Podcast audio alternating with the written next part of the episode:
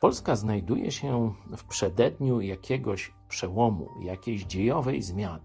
Dlaczego tak sądzę?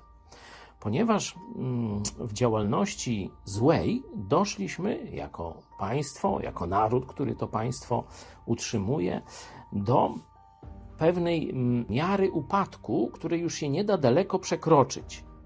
Kiedy czytamy w Piśmie Świętym 13 rozdział listu apostoła Pawła do Rzymian, to widzimy tam, że rządzący nie są, nie mają być postrachem dla tych, którzy pełnią dobre uczynki, lecz dla tych, którzy pełnią złe.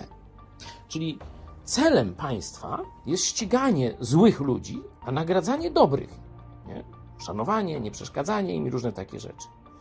A jeśli państwo różne mędy społeczne, męty nieuczciwych ludzi, oszustów, kombinatorów e, i tak dalej, i tak dalej, wpisz właściwe, stawia na świeczniku, wypuszcza, czy uniewinnia, czy w ogóle nawet nie ściga za różne zbrodnie, pedofilii, takich, śmakich i owakich, a uczciwych ludzi włóczy po sądach i straszy więzieniem, to znaczy, że odwróciliśmy państwo.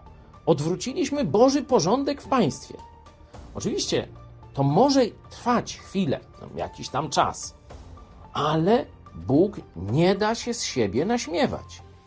I rzeczywiście państwa o odwróconym porządku wartości, gdzie uczciwych ludzi się straszy więzieniem, a bandziorów się nagradza, one upadają.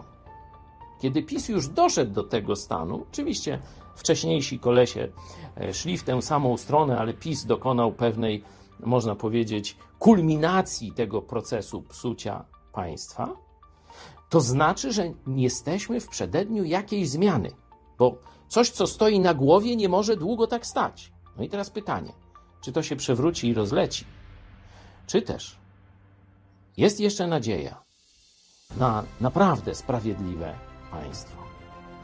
Polacy, którzy idą po wolność, wierzą, że jest nadzieja.